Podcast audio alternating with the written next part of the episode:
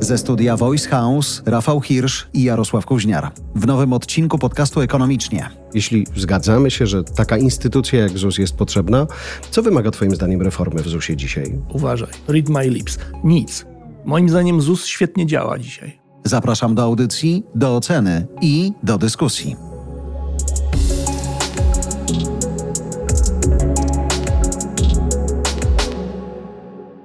Słuchacz. Zupełnie nie w kontekście wyborczym. Rzuca nam wyzwanie i pytanie. A gdyby nie było ZUS-u, gdyby go totalnie zlikwidować, kogo to zaboli? Panie Rafale. To zależy, co słuchacz miał na myśli, bo to można rozważać na dwa sposoby. Albo jako likwidację ZUS-u, jako instytucji, która zajmuje się różnymi rzeczami w państwie i po prostu likwidujemy tą instytucję tylko, ale te rzeczy dalej się dzieją. Czyli ktoś inny wypłaca emerytury. Tak. Albo likwidacja ZUS-u jako likwidacja tego wszystkiego. Ja, Czyli ja po to, prostu ja nie czytam, ma ZUS-u tak? nie i ma ZUS nie ma emerytur. Radź sobie sam. Znaczy mhm. nie ma całego tego wycinku państwa, tej usługi państwowej, tak? która polega na tym, że mhm. słuchaj, jesteś obywatelem naszego państwa i my to państwo zorganizowaliśmy w taki sposób, że możesz pójść do pracy i zarabiać i zadbać o siebie i możesz oszczędzać na starość i możesz robić różne rzeczy. Jest wolność, ale w związku z tym, że w pewnym momencie dojdziesz do takiego wieku, że już nie będziesz miał siły dalej pracować. A może też być tak, że niekoniecznie możesz być w stanie żyć z tego, co odłożyłeś, bo mogą się zdarzyć różne kataklizmy po drodze, prawda? Jeśli nie wiem, odkładasz inwestując na jakichś rynkach finansowych, te rynki mogą przeżyć jakiś krach albo załamanie, mogą być jakieś czynniki losowe, więc żebyś uniknął tego ryzyka i żebyś nie musiał się tym przejmować i martwić, bo jak będziesz się tym przejmować i martwić, to to może wpływać na całe twoje życie i generalnie możesz być nieszczęśliwym człowiekiem przez całe życie. Przez to. filozoficzny odcinek. No bo to o to chodzi tak, tak naprawdę, trochę... tak? W systemie, w państwowym systemie emerytalnym, żeby zdjąć z twojej głowy taką rzecz, którą jeśli by nie było tego systemu, to byś się przez 30 lat tym martwił Ale zobacz, ciąg, tutaj ciągle. boję się jednej rzeczy, że myśląc o tym w ten sposób, a wielu pewnie tak do tego podchodzi, jednak doprowadzamy się do sytuacji takiego zdziwienia na koniec. Jeżeli nie rozumiemy dokładnie, jak ten system działa i na końcu się okazuje, że my nie mamy tam jeden do jednego naszej ostatniej pensji, tylko mamy o wiele mniej, mhm. to my jesteśmy tym zdziwieni. I że nie robiliśmy nic przez życie, żeby tak. sobie dosypać. Pamiętasz Waldemara Pawlaka, jak kiedyś powiedział, że on nie liczy na ZUS. I on akurat powiedział to w złym dla siebie politycznie momencie, ale powiedział, że on nie liczy na ZUS tylko, ani na swoje dzieci, tylko na siebie samego.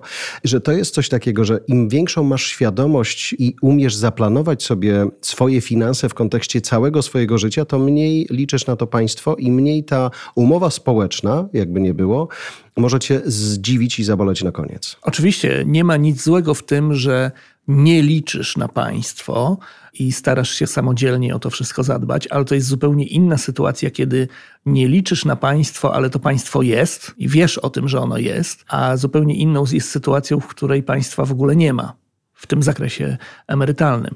Generalnie to jest, oczywiście, no, mówi, że odcinek nam filozoficzny wychodzi. Można się zapytać w ten sam sposób, jak słuchacz się pyta o ZUS, można się zapytać o każdy inny wycinek aktywności państwa. I można w ten sposób dojść do pytania, po co nam jest w ogóle państwo w XXI wieku? Tak? Po co jest państwo? Jest Unia Europejska, można zlikwidować te państwa, będzie Unia Europejska. Potem można się pytać, po co jest Unia Europejska z kolei. Wiesz, no można... Mhm. Niekończące się odcinki. Tak, Podoba i to wcale nie będą głupie pytania. Na co dzień o tym nie myślimy. Mi się wydaje, że rolą państwa dzisiaj, w takim świecie, w którym raczej nie zdarzają się takie sytuacje, że przez nasze terytoria przebiegają jakieś konne armie i palą nam domy. Jeszcze 300-400 lat temu tak było i wtedy główną funkcją państwa była funkcja obronna.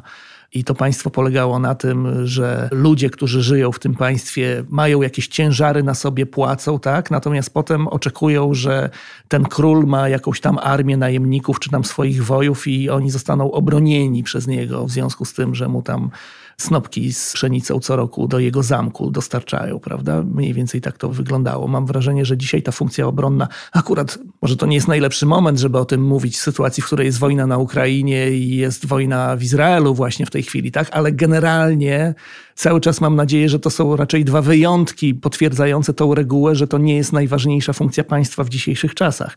I wydaje mi się, że państwo dzisiaj jest po to, żeby generalnie nam redukować różne ryzyka w życiu. biorąc troszeczkę na siebie te ryzyka też, ponieważ. Czyli ciepła woda w kranie. Na, Trochę przy, tak. na przykład też, tak, oczywiście. No, cała infrastruktura, w ogóle wszystkie rodzaje infrastruktury, które są w państwie, które państwo buduje, to są takie rzeczy, których żaden inwestor prywatny by nie zbudował, bo to się nie opłaca, pamiętasz, więc to by nigdy nie to sformułowanie powstało. było wykorzystywane przeciwko dzisiaj No ja to wiem, partii wiem, rządzącej, wiem, ale, ale tak no, naprawdę to było jakieś, no, no, no, no. to kampanie polityczne się rządzą swoimi prawami. Ryzyko tego, że umrzemy z głodu na starość jest jednym z najważniejszych ryzyk w naszym życiu. I system emerytalny jest po to, żebyśmy uniknęli właśnie tego ryzyka, tak? Czyli, bo okej, okay, można liczyć na siebie i można próbować i zachęcam i to jest pożyteczne. Natomiast to, że będziemy próbować nie oznacza, że na pewno każdemu się uda.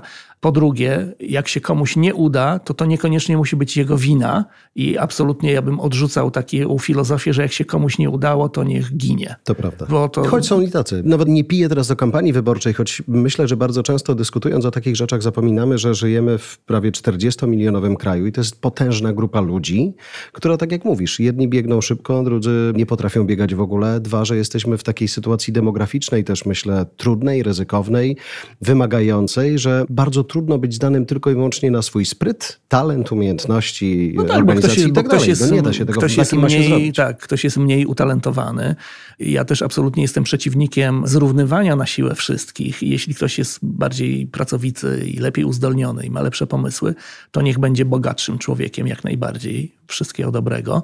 Natomiast jeśli ktoś jest mniej uzdolniony i gorzej mu wszystko wychodzi, to nie znaczy, że jego bieda ma być tak dojmująca, że on po prostu zamarznie i zginie z głodu na ulicy w wieku lat 70, ponieważ nie ma pieniędzy, tak? Więc system emerytalny między innymi po to służy, żeby tego typu ryzyka nie istniały w ogóle w naszym życiu. I po to jest system emerytalny, który w Polsce funkcjonuje w ramach instytucji, która nazywa się ZUS, więc można powiedzieć, że po to jest ten ZUS. Natomiast zupełnie inną kwestią, innym pytaniem jest to, jak już się zgodzimy, mam nadzieję, że wszyscy mogą się zgodzić, że on jednak jest potrzebny, to jak już się zgodzimy, że on jest potrzebny, to osobnym pytaniem jest, jak go zorganizować, bo on może działać lepiej, może działać gorzej. Ale... Jak ktoś jest niezadowolony z ZUS-u, to może dlatego, że jego zdaniem po prostu on źle działa, ale to wcale nie musi oznaczać, że trzeba że go likwidować. Albo, tak? Bo myślę, że jest to jedna z Można tych go instytucji, poprawić. jak polski parlament czasami, Tak. kiedy zapytasz, jak funkcjonuje straż i policja nie, chociaż policja ma ostatnio trudniejsze momenty, ale generalnie to jest właśnie ta instytucja, która, jak Poczta Polska, może to będzie dobre Tak. porównanie, nie, że o Jezu.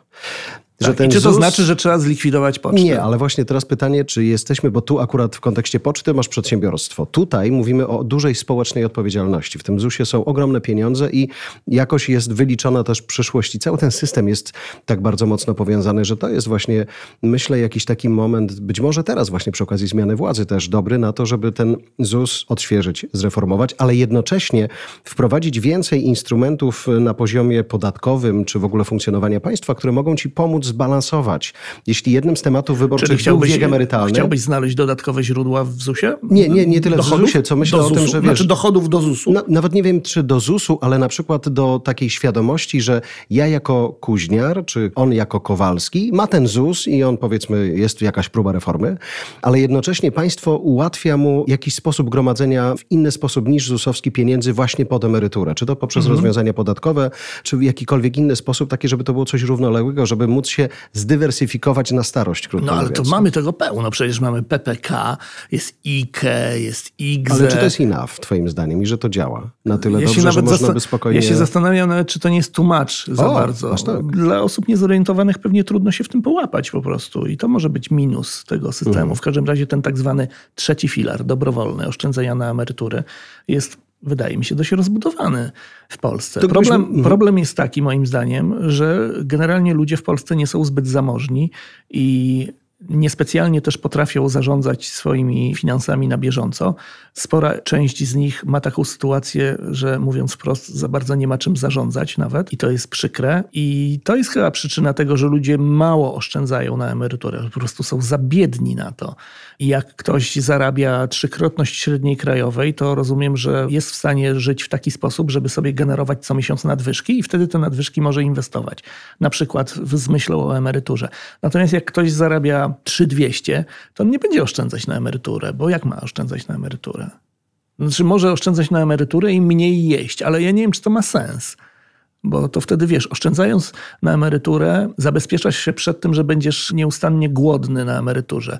Ale jeśli robisz to kosztem tego, że jesteś nieustannie głodny teraz, to ja nie wiem, czy to ma dużo sensu. Więc no to jakbyś do tego podszedł. Dla, dlatego dlatego większość ludzi razie... nie oszczędza na emeryturę w Polsce. Po prostu za mało zarabiają. To jest tak? dla mnie jasne. Ale gdybyśmy, a powiedzieliśmy o tym, że fajnie by było, jeśli zgadzamy się, że taka instytucja jak ZUS jest potrzebna, jak patrzysz sobie na tą, a też wiem, że między IKE, IKSE śmigasz i ogarniasz te rzeczy, co wymaga twoim zdaniem reformy w ZUSie dzisiaj? Które z tych elementów należałoby odświeżyć, zmienić, unowocześnić? Uważaj. Read my lips. Nic. Moim zdaniem ZUS świetnie działa dzisiaj. Okej. Okay. I ten słuchacz, który się pytał, mhm. zastanawiam się, dlaczego on znaczy, czy to jest takie po prostu teoretyczne pytanie rzucone w przestrzeń, bardzo ciekawe, czy po prostu jest jakoś bardzo rozgoryczony tym ZUS-em i co się stało? Znaczy, bardzo możliwe, że ZUS źle działa, jeśli chodzi o takie kontakty pojedyncze z klientami, z płatnikami, że ktoś został niesprawiedliwie potraktowany, ktoś dostał papier, że musi tutaj coś zwrócić, zapłacić więcej, a nie powinien. Tego typu historie, tak? Na poziomie ludzkim, które mogą się zdarzyć w każdej instytucji.